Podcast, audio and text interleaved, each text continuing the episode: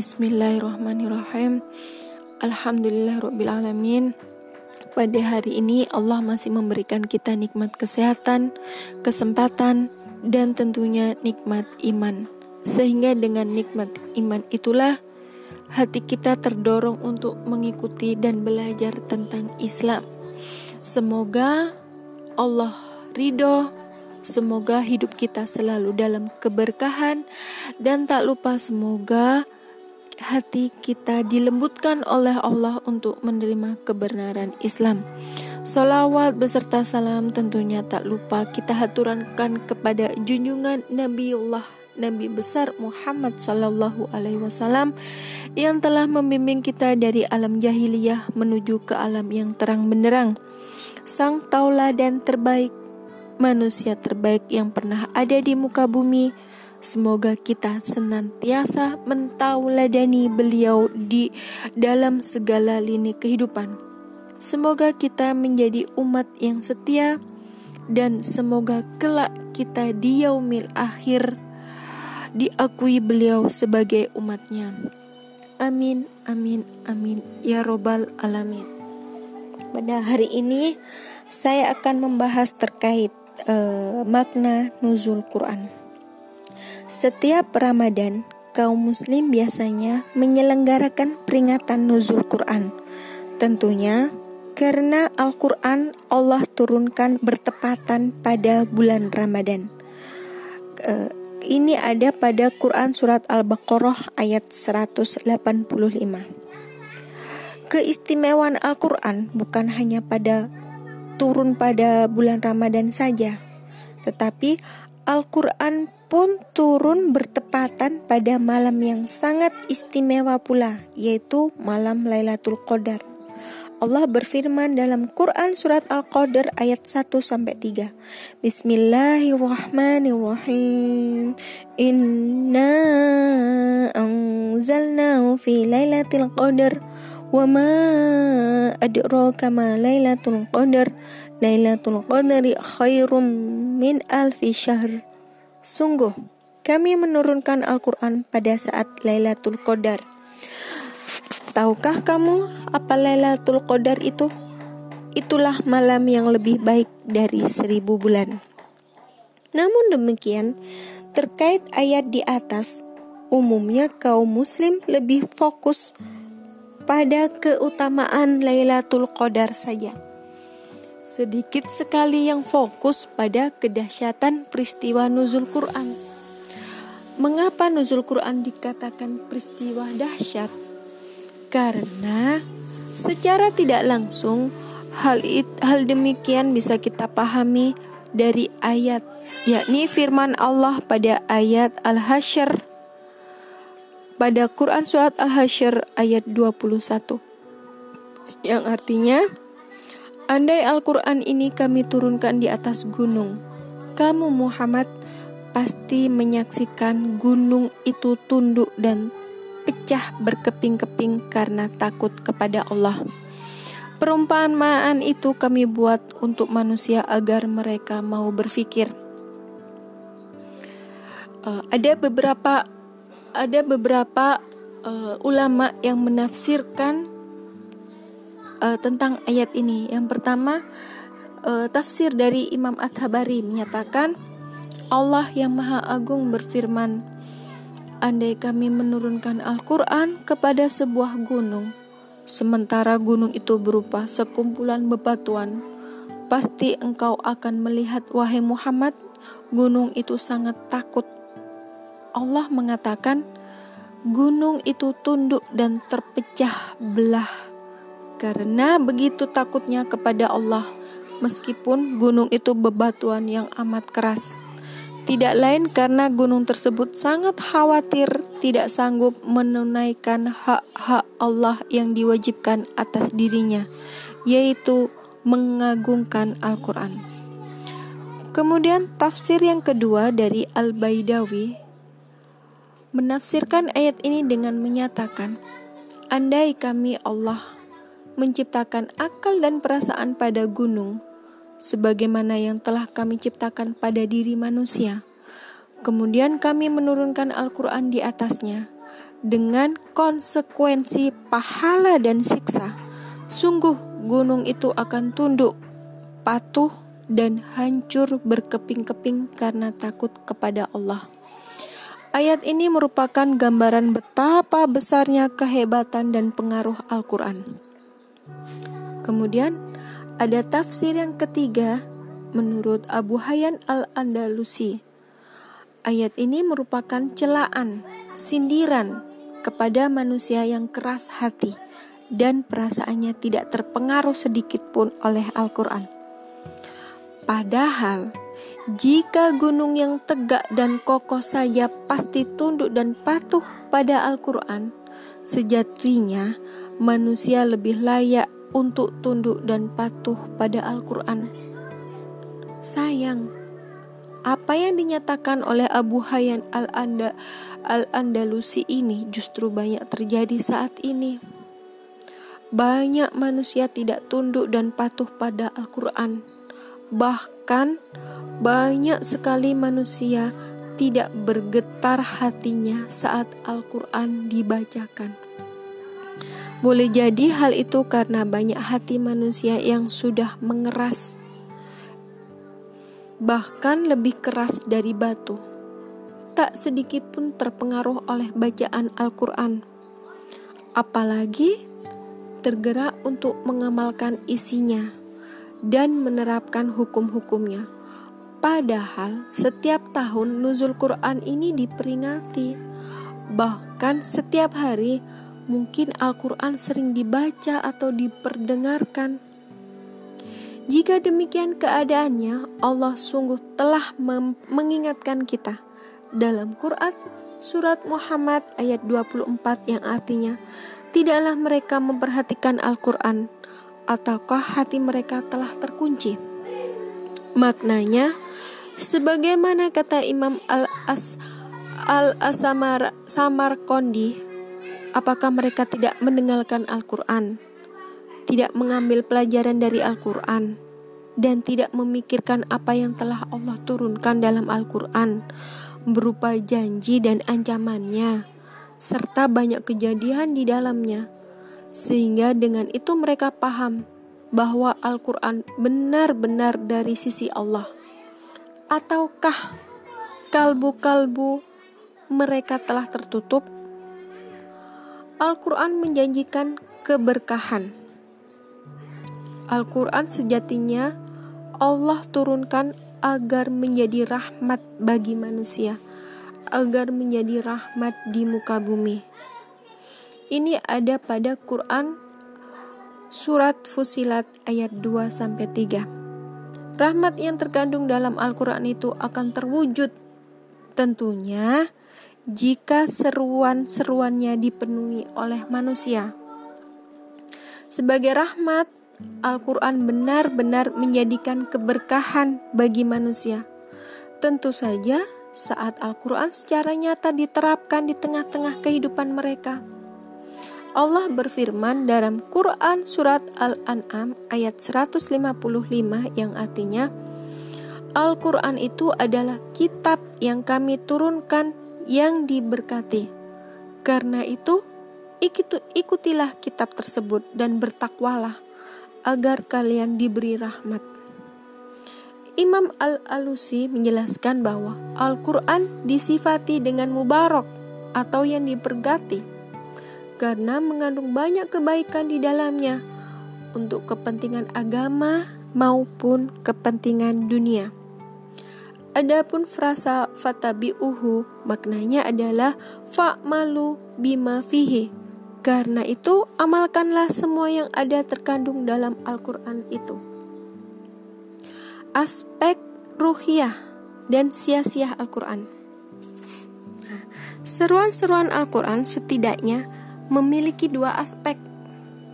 Satu, aspek ruhiyah yang berhubungan dengan spiritual. Dan yang kedua, aspek sia-sia atau politik.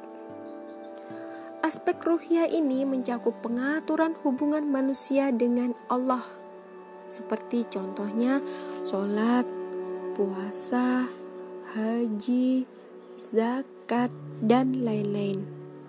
Sedangkan aspek yang kedua yaitu aspek sia-sia atau politik mencakup pengaturan hubungan sesama manusia khususnya yang menyangkut urusan publik yang dijadikan oleh negara yang dijalankan oleh negara dan dikontrol pelaksanaannya oleh umat. Sebabnya, politik dalam Islam pada hakikatnya adalah pengatur urusan umat, baik di dalam maupun di luar negeri, sesuai dengan petunjuk dan hukum-hukum Al-Quran. Namun sayang, aspek sia-sia ini, aspek sia-sia dari Al-Quran ini belum mendapatkan perhatian semestinya sebagaimana aspek rohaniah. Oleh karena itu, pantas kerahmatan dan keberkahan Al-Quran masih jauh dari kehidupan manusia saat ini. Di antara ayat Al-Quran yang sifatnya politis, misalnya, misalnya uh, yang sifatnya tentang politis. Pertama, ayat-ayat tentang kewajiban menerapkan hukum Islam dalam aspek publik. Allah berfirman dalam Quran surat An-Nisa ayat 65 yang artinya demi Tuhanmu mereka pada hakikatnya tidak beriman hingga mereka menjadikan kamu Muhammad hakim dalam perkara yang mereka perselisihkan. Kemudian mereka tidak merasa keberatan dalam hati mereka terhadap putusan yang kamu berikan, dan mereka menerima dengan sepenuhnya. Ayat ini menegaskan kewajiban untuk menjadikan Rasulullah sebagai hakim. Saat Rasulullah wafat, maka ayat ini mengandung kewajiban umat untuk berhukum pada Al-Quran yang beliau bawa. Karena itu, siapa pun yang menjadi penguasa wajib terikat dengan aturan Al-Quran. Siapa pun yang memutuskan perkara wajib memutuskan dengan hukum Al-Quran, bukan hukum buatan manusia. Apalagi ayat sebelumnya telah menegaskan larangan berhukum kepada togut Togut ini e, menyembah selain Allah. Imam Ibnu Al-Qayyim menegaskan bahwa berhukum pada selain syariah yang dibawa oleh Rasulullah adalah termasuk berhukum kepada togut. Kedua ayat-ayat tentang eh yang kedua yang tadi kan e, tentang e, tentang hukum terhadap menjalankan hukum e, sesuai dengan Allah diambil dari Al-Quran. Yang kedua, ayat-ayat tentang kewajiban dakwah dan jihad visabilillah. Allah berfirman dalam Al-An'am ayat 19 yang artinya Al-Quran ini diwahyukan kepadaku agar dengan itu aku memberikan peringatan kepada kalian dan kepada orang-orang yang telah sampai Al-Quran kepada mereka. Islam telah menentukan metode bagaimana risalahnya disebarkan, yakni dengan dakwah dan jihad visabilillah. Oleh sebab itu, kita mendapati ayat yang berisi perintah dakwah dan jihad berulang-ulang disebutkan dalam Al-Quran. Misal pada Quran Surat Al-Hajj ayat 78, Quran Surat Al-Anfal ayat 60, dan lain-lain. Kemudian ketiga, ayat-ayat tentang kewajiban melakukan amal ma'ruf nahi mungkar. Allah berfirman dalam Quran surat Al-Imran ayat 104.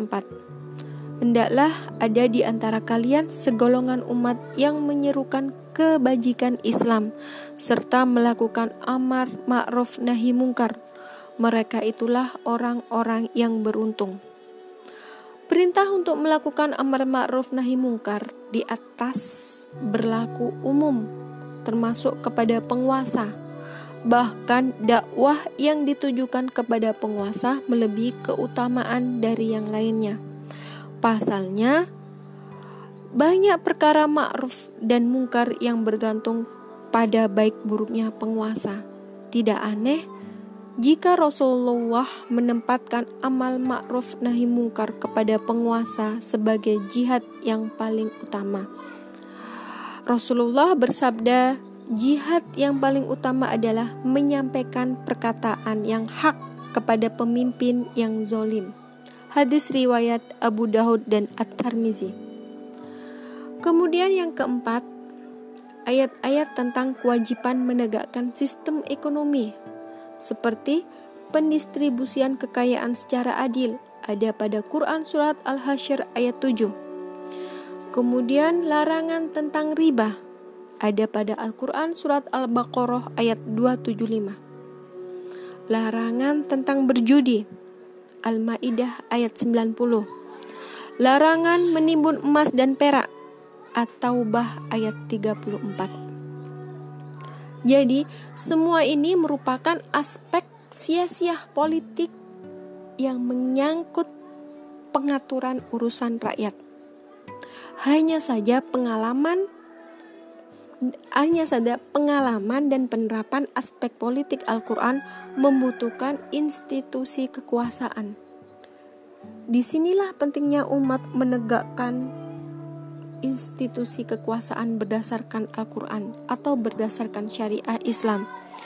Tanpa kekuasaan berdasarkan Al-Quran, tentunya sebagian besar hukum-hukum Islam menjadi terlantar dan tidak bisa diterapkan sebagaimana hari ini. Tentunya ini bertentangan dengan makna nuzul Quran. Allah berfirman, Siapa saja yang berpaling dari peringatanku Al-Quran, bagi dia kehidupan yang sempit dan pada hari kiamat kelak kami akan membangkitkan dirinya dalam keadaan buta. Quran Surat Toha ayat 124 Naudzubillah ya Dan semua itu terbukti pada saat hari ini pada saat uh, pada saat sekarang. Buktinya apa? Yaitu banyak terjadi kemaksiatan, banyak terjadi uh, tindakan kriminalitas.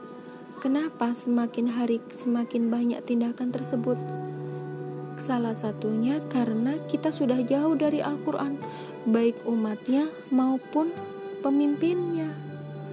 Jadi wajar ketika ada musibah di mana-mana, ketika ada uh, kejadian yang tidak mengenakan habis terjadi ini, terjadi ini lagi, uh, terjadinya kerusakan di muka bumi ini karena ulahnya manusia sendiri. Salah satunya mereka sudah semakin jauh dari Al-Qur'an, tidak adanya keberkahan.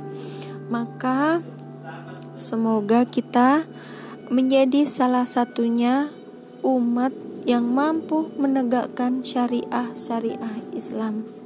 Semoga kita tetap beristiqomah untuk tetap memperjuangkan jalan-jalan kebenaran Islam. Uh, sampai di sini dulu kajian kita tentang nuzul Quran. Semoga mendapatkan keberkahan dari Allah. Semoga uh, sedikit, paling tidak sedikit, kita mengambil pelajaran tentang uh, makna nuzul Quran tidak berjalan begitu saja. Semoga puasa kali kali ini mendapatkan keberkahan tidak cuma hanya sekedar menahan hawa nafsu lapar dan dahagia dahagia saja tetapi mendapatkan uh, nilai plus di hadapan Allah. Akhir kata, uh, untuk mengakhiri ini saya akan menutup dengan istighfar tiga kali dan doa kafaratul majlis astagfirullahaladzim astagfirullahaladzim astagfirullahaladzim subhanaka allahumma inni wa bihamdik. Asyhadu an la ilaha illa anta. Astaghfiruka wa atubu ilaik. Assalamualaikum warahmatullahi wabarakatuh